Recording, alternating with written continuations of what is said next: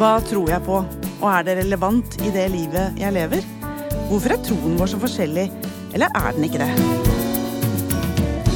Sammen med hovedpastor Jarle Valdemar og en ny gjest skal vi samtale om temaer som preger både troen vår og livet vi lever. Velkommen til podkasten fra Filadelfia-kirken Drammen. Du hører på Troen og livet, og jeg heter Gunn Hilde Brun Pedersen.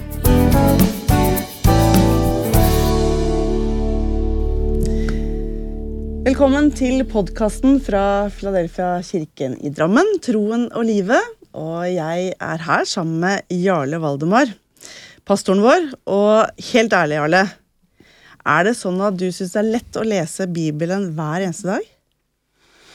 Altså, jeg har gjort et valg, da. Og det er at det første jeg gjør når jeg står opp, det er å gripe min telefon.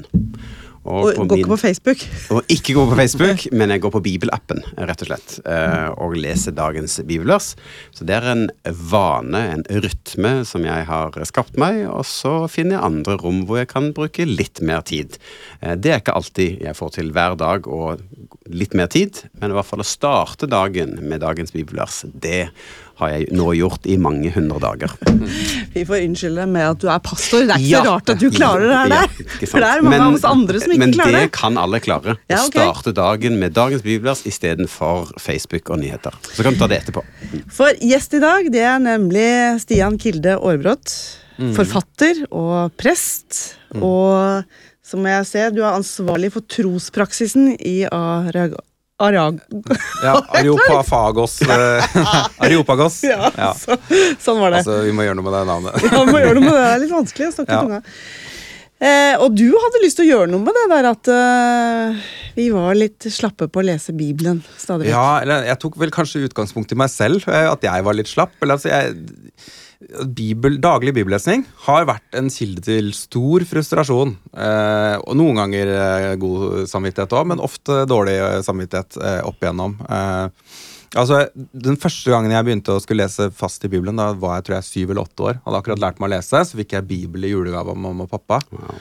Og, så, og, så, husker jeg mamma ga meg en sånn rød eh, blyant og sa at nå, hvis det er noe du syns er fint her, så kan du streke under det. Mm. Og jeg gikk, og så sa hun også heldigvis Begynn med Matteus, ikke med Første Mosebok.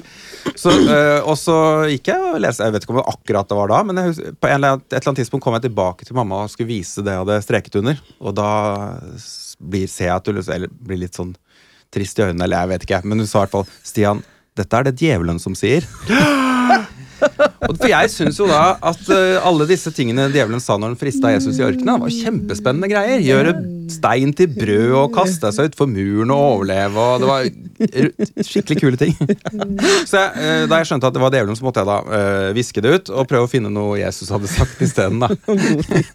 Men poenget var i hvert fall at ja, jeg har vokst opp pinsevenn, mm. mm. og var jo litt sånn i kulturen at det, det å leve som kristen handler en del om en, sånn, en eller annen form for daglig andaktsstund. Eh, og den skal stort sett bestå av bibel og bønn. Mm. Eh, og, og, det var litt sånn forventa at man skal øve, få noen vaner om å lese Bibelen hver dag. Eh, og jeg var ikke et veldig selvdisiplinert menneske. Det tror jeg ikke er fremdeles egentlig heller. Mm. sånn at jeg var liksom bare Nei, det var eh, etter en liten sånn åndelig raptus. Hvis jeg hadde fått en god opplevelse, og sånn, så var det nå skal nå. vi kjøre på. Ja. Og, og, det funka i en uke, noen ganger en måned. Ja. Noen ganger kanskje et, opp mot et halvt år. Jeg tror aldri lenger. Mm -hmm. Men så på et eller annet tidspunkt så begynte det å dale. Mm. Eh, og når jeg liksom ser tilbake på det i ettertid, så tenker jeg at det Jeg tror eh, I hvert fall noe av det jeg skriver om i boka, at to ting som kanskje mangla litt, for meg, da, for å ta utgangspunkt i meg hele tiden, er at eh, det ene var at jeg leste alltid Bibelen alene. Mm. Og det syns jeg eh, Eller alt man gjør alene krever mye mer disiplin enn det man gjør sammen med noen. Mm. Eh, mm. sånn at eh, det som jeg da prøver å si, at jeg, jeg er ikke så god på selvdisiplin, men jeg er veldig god på samdisiplin. Ja. Eh, altså det å gjøre ting sammen med noen. da er jeg veldig flink til å få det til. Ja. Så det å begynne å lese Bibelen sammen med noen, det, var, det har vært en eureka for meg. Ja. Men du, dette skal vi komme tilbake til. Eh, fordi du har skrevet en bok som eh, er på en måte opptatt av å lage gode vaner, og det skal vi mm. snakke om. Men først fem kjappe om hvem du er, Stian. Eh, og en av de tingene du er litt kjent for, er at du driver og klemmer trær. Ja. Så nå er det spørsmål eh, eh, Hva vil du velge? Klemme et tre eller kona di? Nei, det er kona mi, helt klart. det er Jeg er faktisk mye bedre på det enn på å klemme trær, heldigvis. Jeg har ramla litt ut av den uh, treklemmevanen. Ja, det dette må vi komme litt tilbake til. Eh, gå på konsert eller spille konsert sjøl?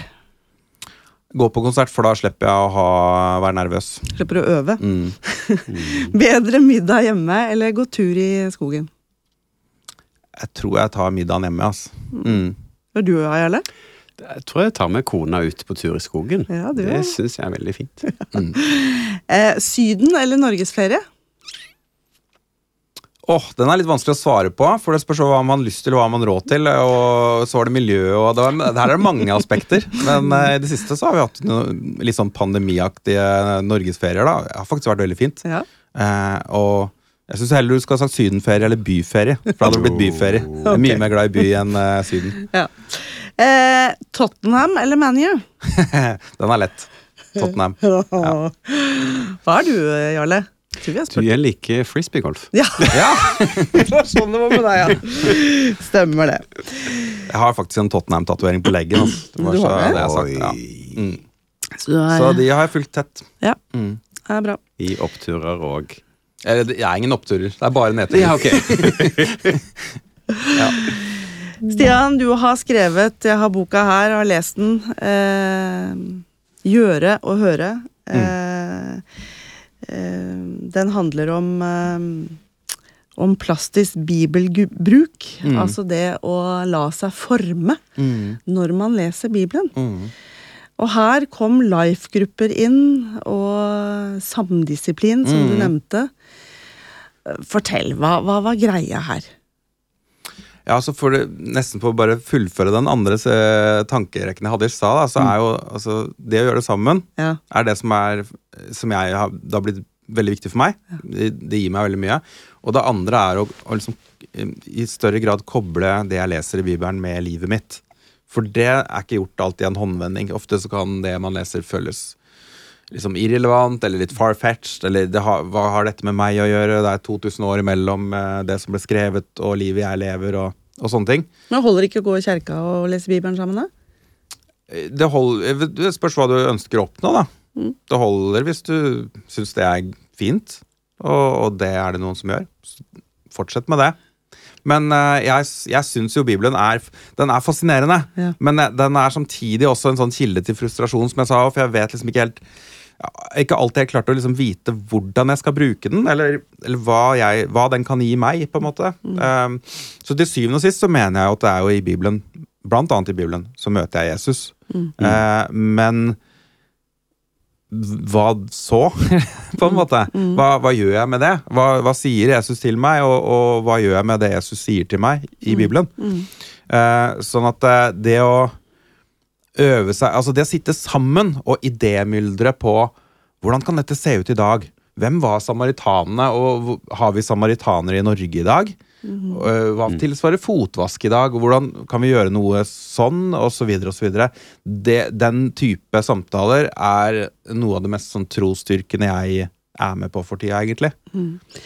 Er du da opptatt av å lese, og så gjøre en handling ut av det? Mener du at eh, det er det som Er det viktig som kristen? Ja, altså litt av poenget mitt, eh, og det, der spiller jo litt tilbake på tittelen på boka, da, gjøre, høre, og ikke høre, gjøre. Det er ikke sånn at først skal man høre hva som står i Bibelen, og så skal man gjøre. Poenget er når man gjør, så hører man nye ting. Oh, ja. Altså vi, jeg tenker at vi hører fra Gud når vi leser Bibelen, vi hører fra Gud når vi mediterer over bibelordet. Kan komme tilbake til hva det betyr, eller leve seg inn da, i det.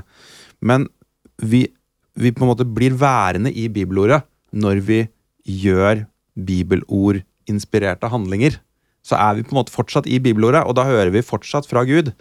Eh, så det er liksom på, litt av poenget mitt at at Bibelen er noe annet enn en bok. Det er på en måte noe du lever med eh, gjennom dagen. Ikke bare når du liksom leser setningene og linjene, men det er også å være i fortellingene.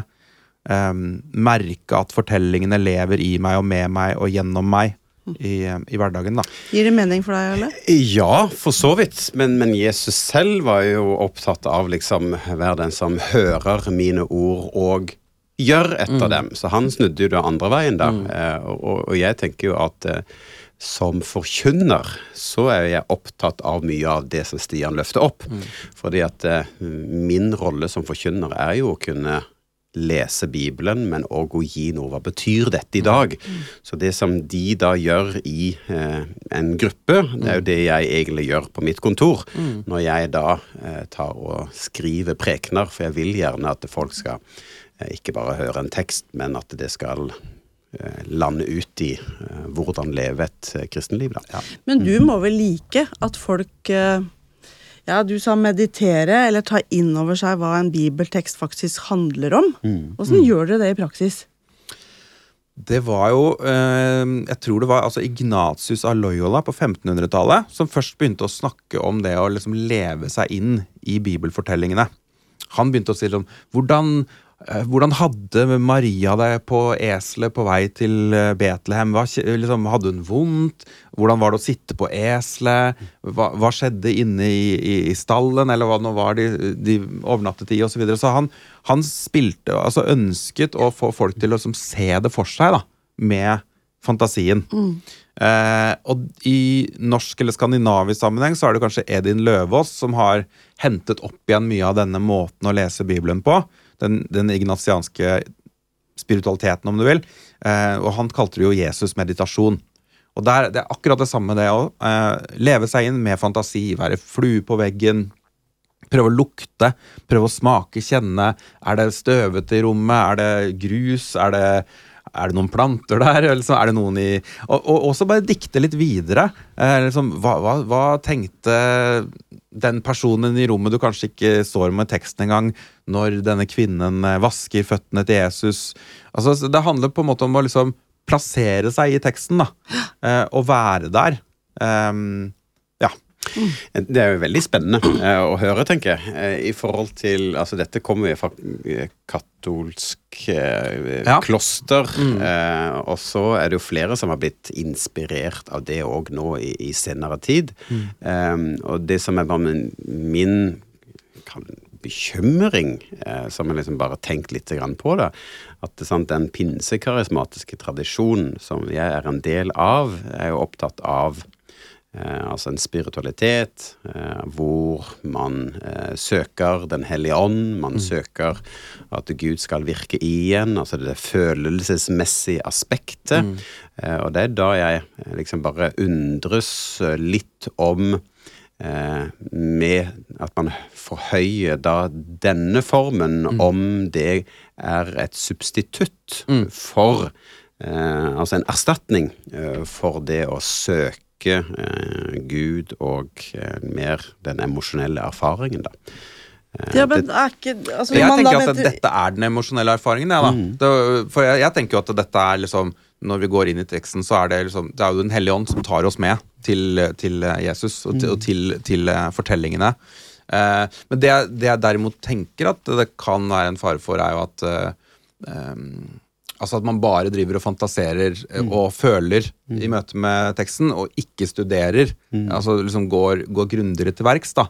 Eh, sånn at det, For meg så er det ikke, ikke ment at det skal være en erstatning av bibelstudiet, men en, en uh, add-on, da, for å si det sånn. Ja, for, for, jeg liker jo ulike måter å tilnærme, tilnærme seg Bibelen, mm. og det tror jeg er sunt. Mm. Også finne litt uh, ok, hvordan uh, sanksjonere dette med min tro, min spiritualitet, altså min måte å uttrykke min tro på. Mm. Og det blir litt sånn som at vi har både Kiwi og Meny, altså vi har på en måte ulike mm. typer eh, dagligvarebutikker som, mm. som, tiltrekker oss på litt ulike måter. Mm. Eh, og det tenker jeg at eh, dette òg er litt sånn, at mm. noen liker mer litt denne formen å kunne ta på eh, kristen tro, for å si det sånn, og liksom med, med hender og følelser.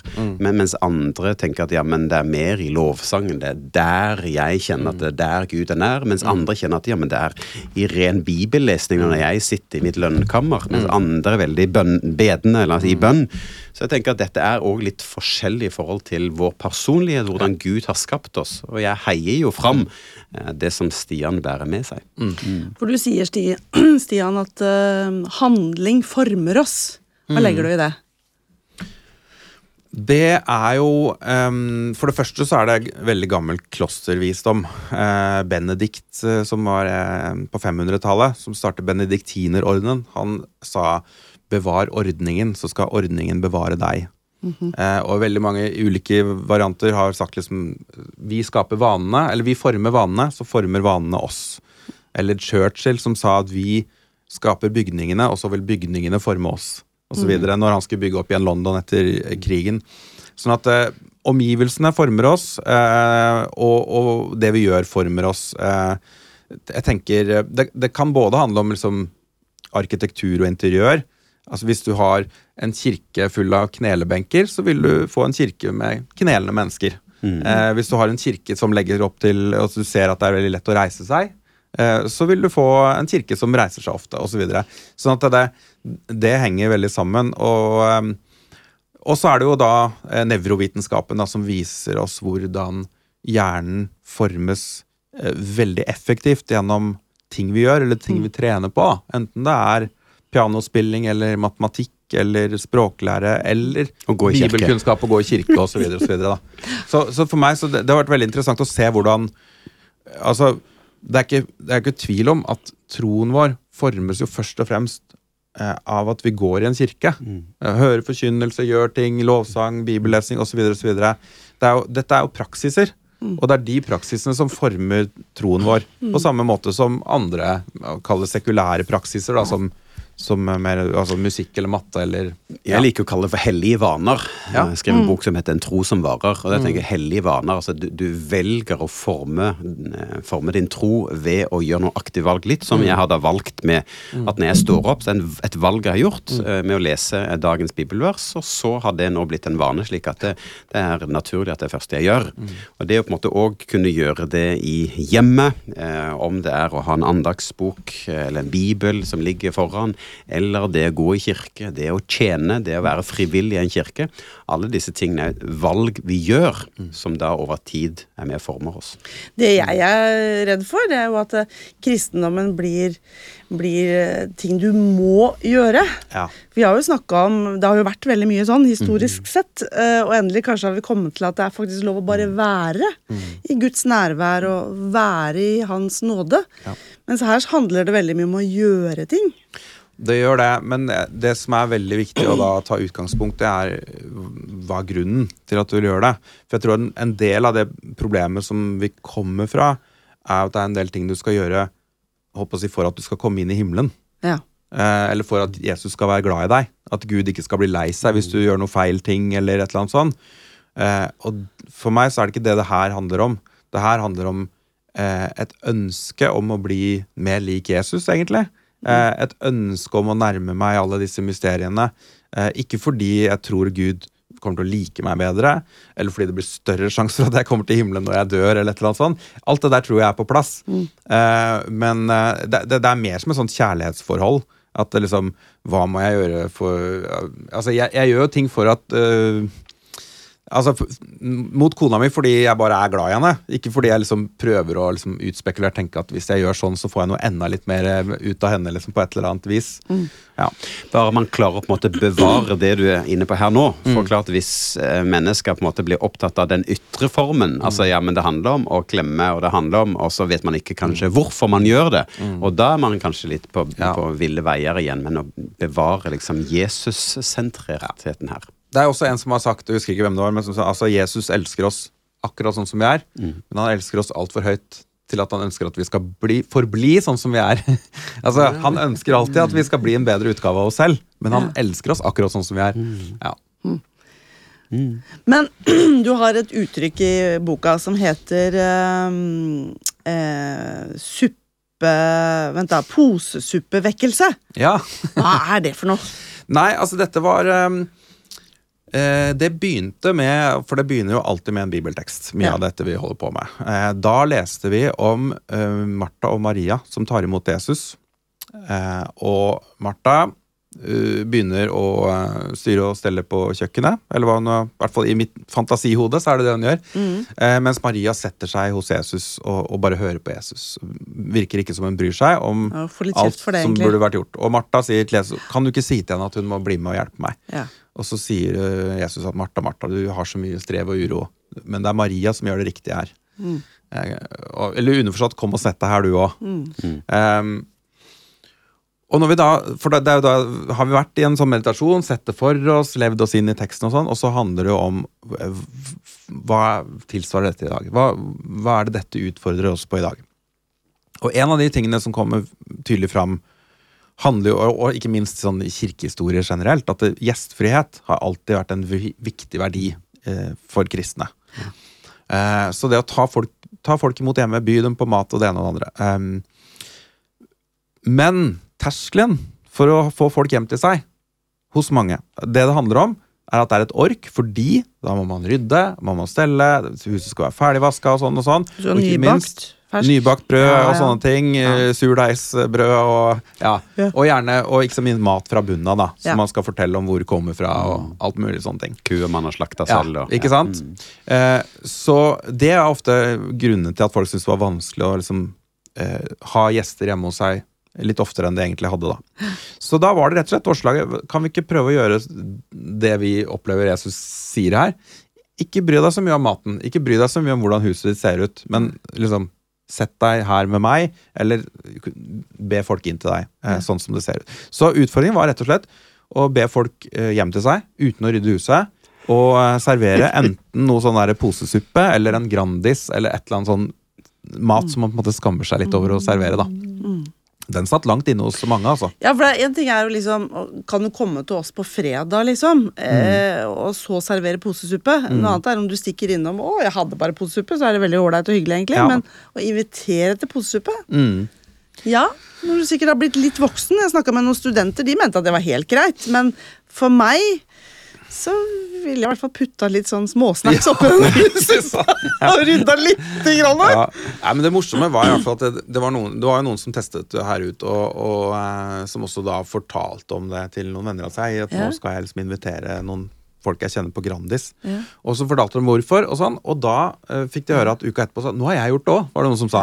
eh, for, og da begynte det liksom rett og slett denne praksisen å, å spre seg. Så derav ordet vekkelse, da. At det var, eh, Oh. man fikk litt sånn eh, følelse at eh, man hadde oppdaget noe viktig. Og det var en idé som kom ut av Ja. eh, bibelverset, Mm. eller fortellingen om Märtha og Maria. Ja. Ja, Jarle. Inviterer Invitere på posesuppe. Det er eh, Ja, og, og, Det viktigste er jo å være sammen. Det har vi det snakka om før. viktigste tenker jeg er det man gjør først. Det er å eh, sammen gå inn i Bibelens eh, ufattelig eh, spennende verden. eh, og la seg bli påvirket av den. Det er det som er grunnlaget. Eh, og det liker jeg, om det er en live-gruppe, cellegruppe eller hva man kaller det. Men det å kunne møtes i hjemmene og ta Bibelen på alvor, det er en veldig stor verdi. Eh, Så det er jeg enig i. Og så er det jo gøy å høre det spennende som vokser ut av det. da. For det er nok det mange ikke har tatt det så eh, konkret, så bokstavelig, men heller liksom ja, dette skal jeg grunne på. Ikke sant? Må grunne og å gjøre litt. Ja, ja. Ja, og jeg må jo spørre deg, Stian, også på den derre dere, eh, du leste også en bibeltekst og fikk inspirasjon til å gå på butikken uten penger og be om penger til å kjøpe lunsj. Ja, ja det, altså det er jo Altså- en av de Bare for å si det først og sist, at det er kanskje en av de sånn praksisen som har vært lengst utafor komfortsona for Ja, min egen del. Uh, nei, det, den, eh, den ideen kom da vi leste om Jesus som vasket disiplenes føtter, uh, og som sier etter hvert at uh, nå, nå skal dere vaske hverandres føtter, slik jeg har vasket deres føtter. Og da begynte folk å hoste opp masse masse ideer på hvordan vi kunne gjøre gode ting for andre. Og så kom jeg da og helte litt sånn kaldt vann på ryggen til de fleste og sa at men det står jo ikke at vi skal vaske andres føtter. Det står at vi skal vaske hverandres føtter. Det betyr jo at vi også må gjøre, noen må gjøre noe mot oss. Altså, for det, altså, De gode gjerningene, da. Mm. Vi skal ikke bare tjene andre, men vi skal også faktisk bli tjent. Mm. Eh, og hvordan gjør vi det? Og da, var det, da ble det helt stille på idémyldringsfronten ganske lenge. Ja.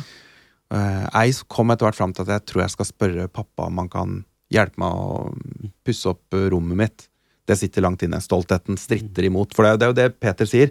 Aldri i livet skal du vaske føttene mine. Det er jo en, liksom en sånn viss stolthet i det.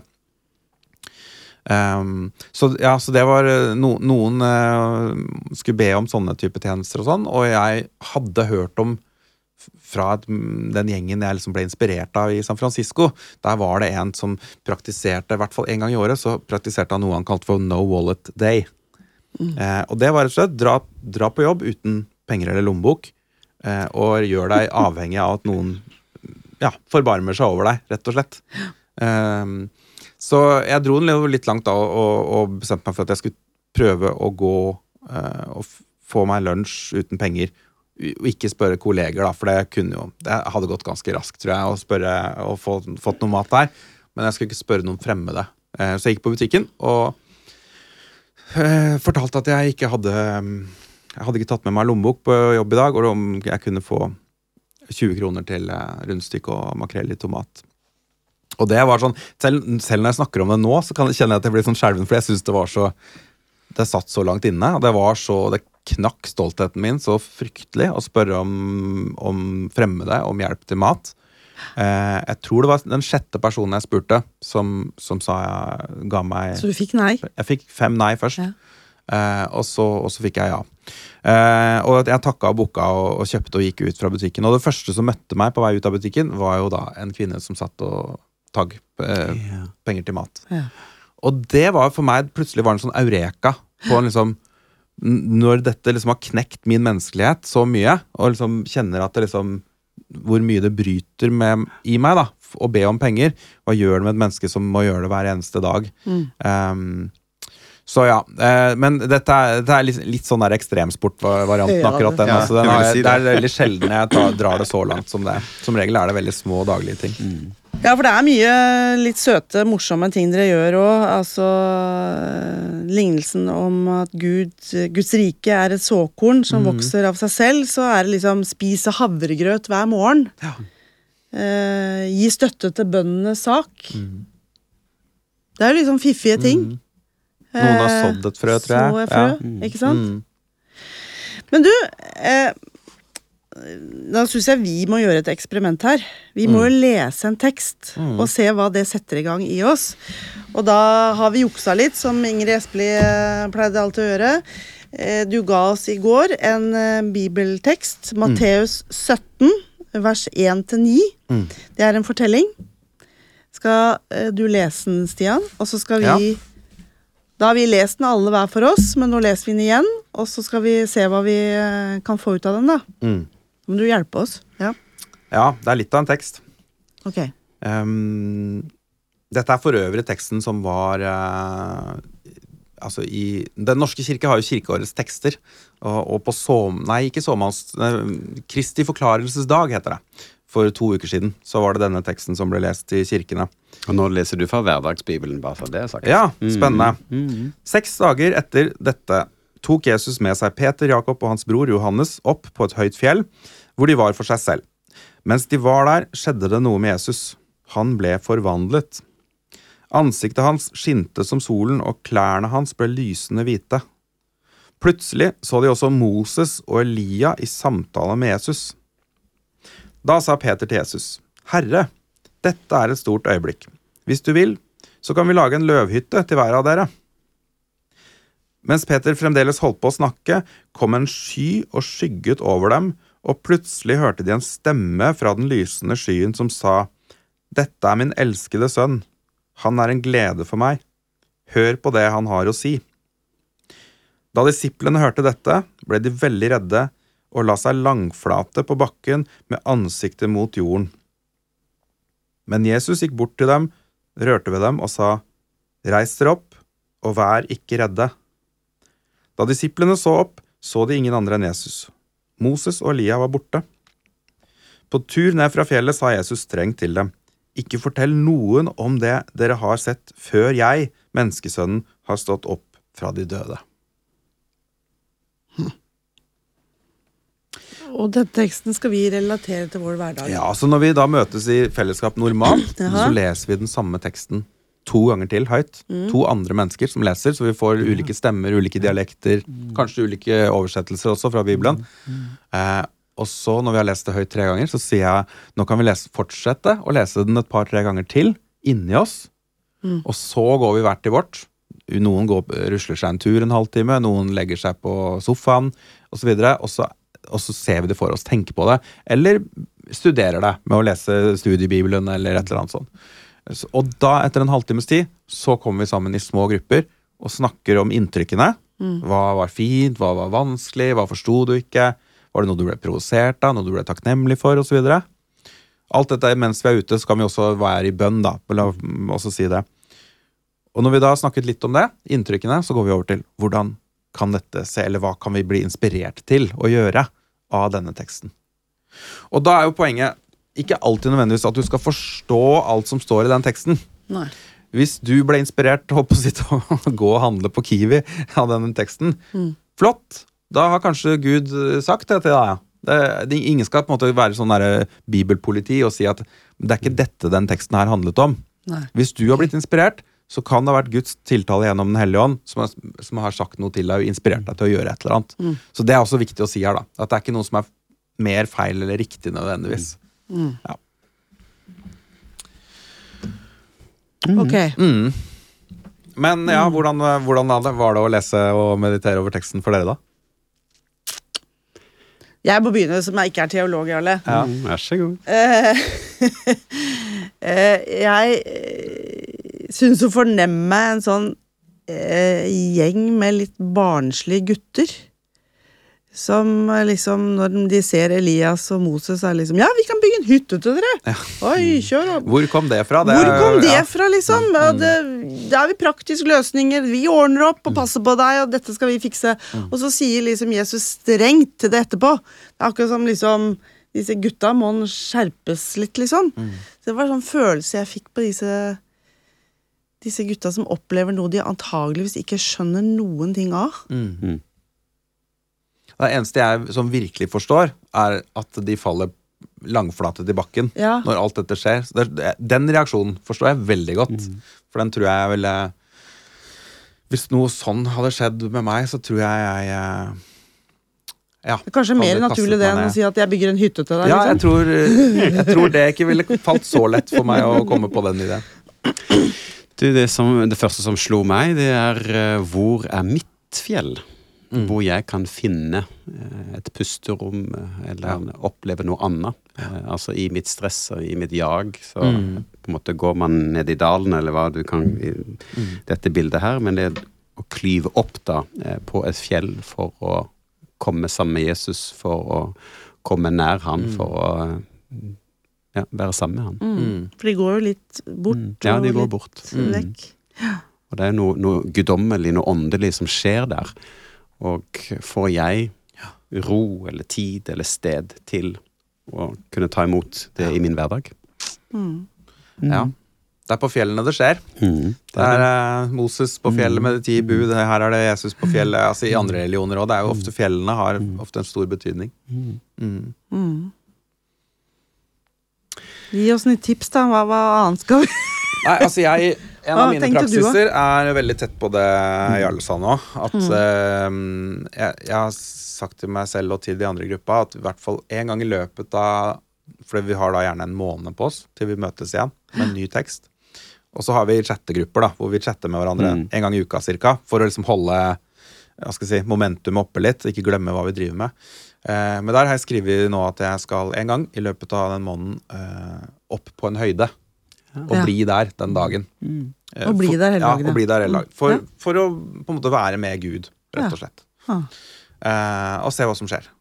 Så det er det i løpet av en måned. Og så har jeg også tenkt at en sånn daglig Det der å liksom trå litt til side eh, Så jeg har bestemt meg for at jeg i hvert fall på vei På vei til jobb så sykler jeg rett ved jobben min, så er det en kirke som er åpen. eh, alltid, på dagtid. Så jeg skal bare stoppe der, parkere sykkelen utafor og ta meg fem minutter i kirka. Og liksom bare eh, Ja, rett og slett trå til side, da. Eh, litt ut av hverdagen og inn på et slags fjell, om du vil. Eh, andre i gruppa har bestemt seg for at de skal teste ut det med å legge seg flatt på bakken, sånn som disiplene gjorde. På pent så kalles det prostrasjon. Eh, eh, av og til, for eksempel, på, jeg tror det er på påskenatt, så kan man se paven legge seg langflat i kirka. Eh, så det å legge seg flat for Gud, det, det er ikke første gang i kirkehistorien at noen gjør. Det, det er eh, ganske vanlig. Så det er noen som skal teste ut det, legge seg flat for Gud hver eneste dag. Um, Jeg hadde tenkt jeg skulle også be en bønn om at uh, For det handler jo også om at Jesus forvandler seg foran øynene på dem.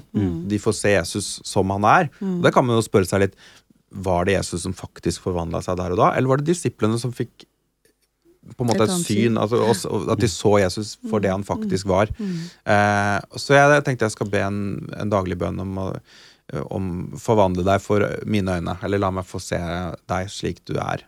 Um, ja. Det er omtrent jeg tror, så langt vi kom. Det er ikke noe du skal ha i lomma, for du snakker stadig om at det er vet hva, skal denne gangen Hva er det? Ja, eh, altså denne gangen så ble det en, eh, en såkalt screenshot. Altså, jeg skal ha bakgrunnsbilde på mobilen min Ja. av Det er et veldig fint fjell i Alpene som heter Matterhorn. Jo, vi skal dit i sommer. Skal dere det, ja? Ja, vi skal. Oi, skal dere klatre òg, eller? Nei da, vi skal vel kjøre bobil, så skal Ja. vi se og ta Ja, det er veldig bilde. fint fjell. Så jeg har det, det fjellet er sånn, jeg da, og jeg dessverre litt for ofte så tar jeg opp mobilen min. Men da kan jeg i hvert fall bli minnet på poenget mitt her. At jeg skal opp på fjellet, og jeg skal, eh, jeg skal sette av eh, Eller gå litt til side for å, for å møte Gud, rett og slett. Men noen har I forrige runde så var det en som hadde en stein i skoen i en måned. for, å, for å minne seg om eh, Jeg tror det var den, altså den som er uten syn, kan kaste den første stein. Ja, Mm. ikke sant. Det kan være alt mulig rart. Noen har valgt å spise en rosin hver dag. Jaha. Og da har det vært knyttet til jeg er, jeg er tre, og dere er grenene. Å minne seg på at eh, Gud er i meg, Ja. og jeg er Gud, eller Jesus. Um, jeg har hatt plasterlapp i lomma når jeg har, eh, når jeg har meditert over den barmhjertige samaritan, altså sårbarhet. Min og andres sårbarhet, og prøve å bli meg bevisst og se andres sårbarhet. Og min egen, ikke minst. Mm. Jeg blir litt fascinert av dette, Jarle. Dette Ja, jeg òg syns det er fint, men, men jeg går nok ikke så langt, eh, kan vi si det. Men jeg ikke, må bare si at jeg er ikke den første til å gå så langt. Altså. Dette er jo tilbake til uh, den jødiske trosbekjennelsen. Hør Israel, uh, Herren er én. Og så sier, går det videre du skal, eh, du skal altså Disse ordene Binde skal du binde på rundt Ja, hånda, ja. i pannen, du skal ha det på dørstolpen. Og og det videre, gjør det fysisk. Ja, det gjør det helt fysisk, helt konkret. Og det er jo fordi det, er, det funker akkurat som reklame. Det, det dytter oss i en retning, det minner oss om noe. Så det er jo bare en klassisk, egentlig en veldig eldgammel jødisk praksis vi gjør med disse fysiske påminnerne. Men eh, jeg hadde lyst til å bare løfte fram en annen ting som jeg bet meg merke i. det at, eh, Men Jesus gikk bort til dem, rørte ved dem og sa, reis dere opp og vær ikke redde. Og hvordan kan jeg da få lov til å være en slik stemme inn i andre menneskers liv, som på en måte kan komme med Altså Jesus sier 'vær ikke redde', men noe trosoppbyggende eller en hilsen fra Gud. Altså på en måte at jeg kan få lov til å være Guds agent. altså En hellig ånd kan virke i meg, eh, slik at andre kan få en oppmuntring fra Gud. Kan jeg få si en ting på det? Jeg syns jo disse, som jeg sa, at gutta dreit seg litt ut. Var litt sånn, de var litt rare. Og så tenkte jeg at kanskje jeg skal tørre enda mer å drite meg litt ut. Ja. Enkelt og greit. Mm. å Ja, det gikk, jo- det gikk iallfall ikke skeis, selv om de reagerte litt merkelig. Ja, Så, ja. det tørre å I etterkant da, så begynner de å diskutere det. Eh, hvis du leser videre i denne, ikke akkurat Matteus kanskje, Ja. men, men i andre så begynner eh, disiplene å diskutere hvem skal få lov å sitte nærmest Jesus, og det blir Ja. en sånn Ja. intrige mellom disiplene, og Jesus må liksom Hallo, skjerp dere nå. Mm. Så det har skjedd noe etterpå òg, da. Så, En tanke jeg hadde, og dette har jeg ikke sjekka sånn veldig teologisk, men muligens altså Den hyttebyggingen kan jo også handle om å forsøke å liksom det inderlige ønsket om å ta vare på det fantastiske øyeblikket. Ja. Liksom, nå er vi her, Ja. la oss bare være her. I, mens Jesus sier nei, vi har en jobb å gjøre. Liksom, Kom, vi må ned fra et fjell igjen og, og tjene andre mennesker. Mm. Ja da. Man vil jo gjerne være i det øyeblikket som er innmari godt. Plante seg der. Og ja, Sånn er det jo med kirke òg, holdt jeg på å si. Det er mange som kan oppleve det utrolig godt og fint å være i kirke, men, men kirke er jo et sted for å komme, få påfyll, og så gå ut i sin hverdag Ja. og leve sitt kristenliv der ute. Eh, så derfor tenker jeg òg at det er, det, er, det er fint å på en måte kunne gå videre, og ikke bare bli værende på Så vi kan ikke være for lenge på fjellet, ei heller for lenge på en måte i lovsangen. Man må, vi må ut og gjøre det vi snakker om. Det er derfor våre gudstjenester ikke er fire timer. Eh, Ikke sant? Nei, men eh, bønn, bønn og arbeid det har jo vært et sånn eh, motto helt siden eh, tidlige klostrene. det. Du skal be, og du skal jobbe. Ah. Ja, men vet du hva? Dette var eh, jeg, veldig inspirerende, gøy, og, og jeg må jo si det er jo en slags galskap i dette her òg, da.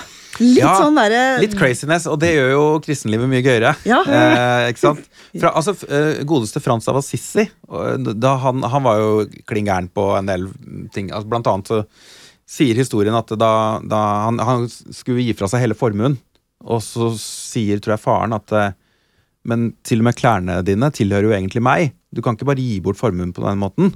Og da tar Frans og kler seg naken i kirka og går derfra. eh, Og gir klærne til faren sin. eh, For å forsake alt, da, for å følge Jesus. Eh, og hans gjeng, når han, altså disse fransiskanerne, de første, de ble jo kalt såkalt holy fools. Ja. Altså Guds hellige narrer. De, Ja. var, kli, de var liksom sprøe. Ja. Folk så på dem som litt rare og eksentriske osv. Og, så videre. og det tenker at det kan vi la oss inspirere litt av. Ja, bare vi beholder Jesusfokuset, så var jeg fornøyd. Altså, altså Pinsebevegelsen, det må jeg jo bare si, og nå mener jeg det bare godt. Det har vært mange holy fools Ja, eh, det der. Altså. det, så vi Åge egentlig- Samuelsen og altså, De har blitt uh, mye gærent, men masse deilig bra også. Ja da. Ja. Så vi jobber jo heller med å roe oss litt ned. Men uh, Ja. i dette ordentlige samfunnet vi lever i, så trenger vi litt galskap Ja, vi gjør det. Vi gjør Vi gjør det. Ja. Nei, men Takk for besøket, Stian Aarbrot. Veldig flott å ha deg her, og gøy å høre. Og takk til deg, Jarle. Så får vi si til alle våre lyttere og seere at vi lager nye podkaster, og følg med. Og spre det gjerne hvis du likte det du hørte. Takk for oss. Takk.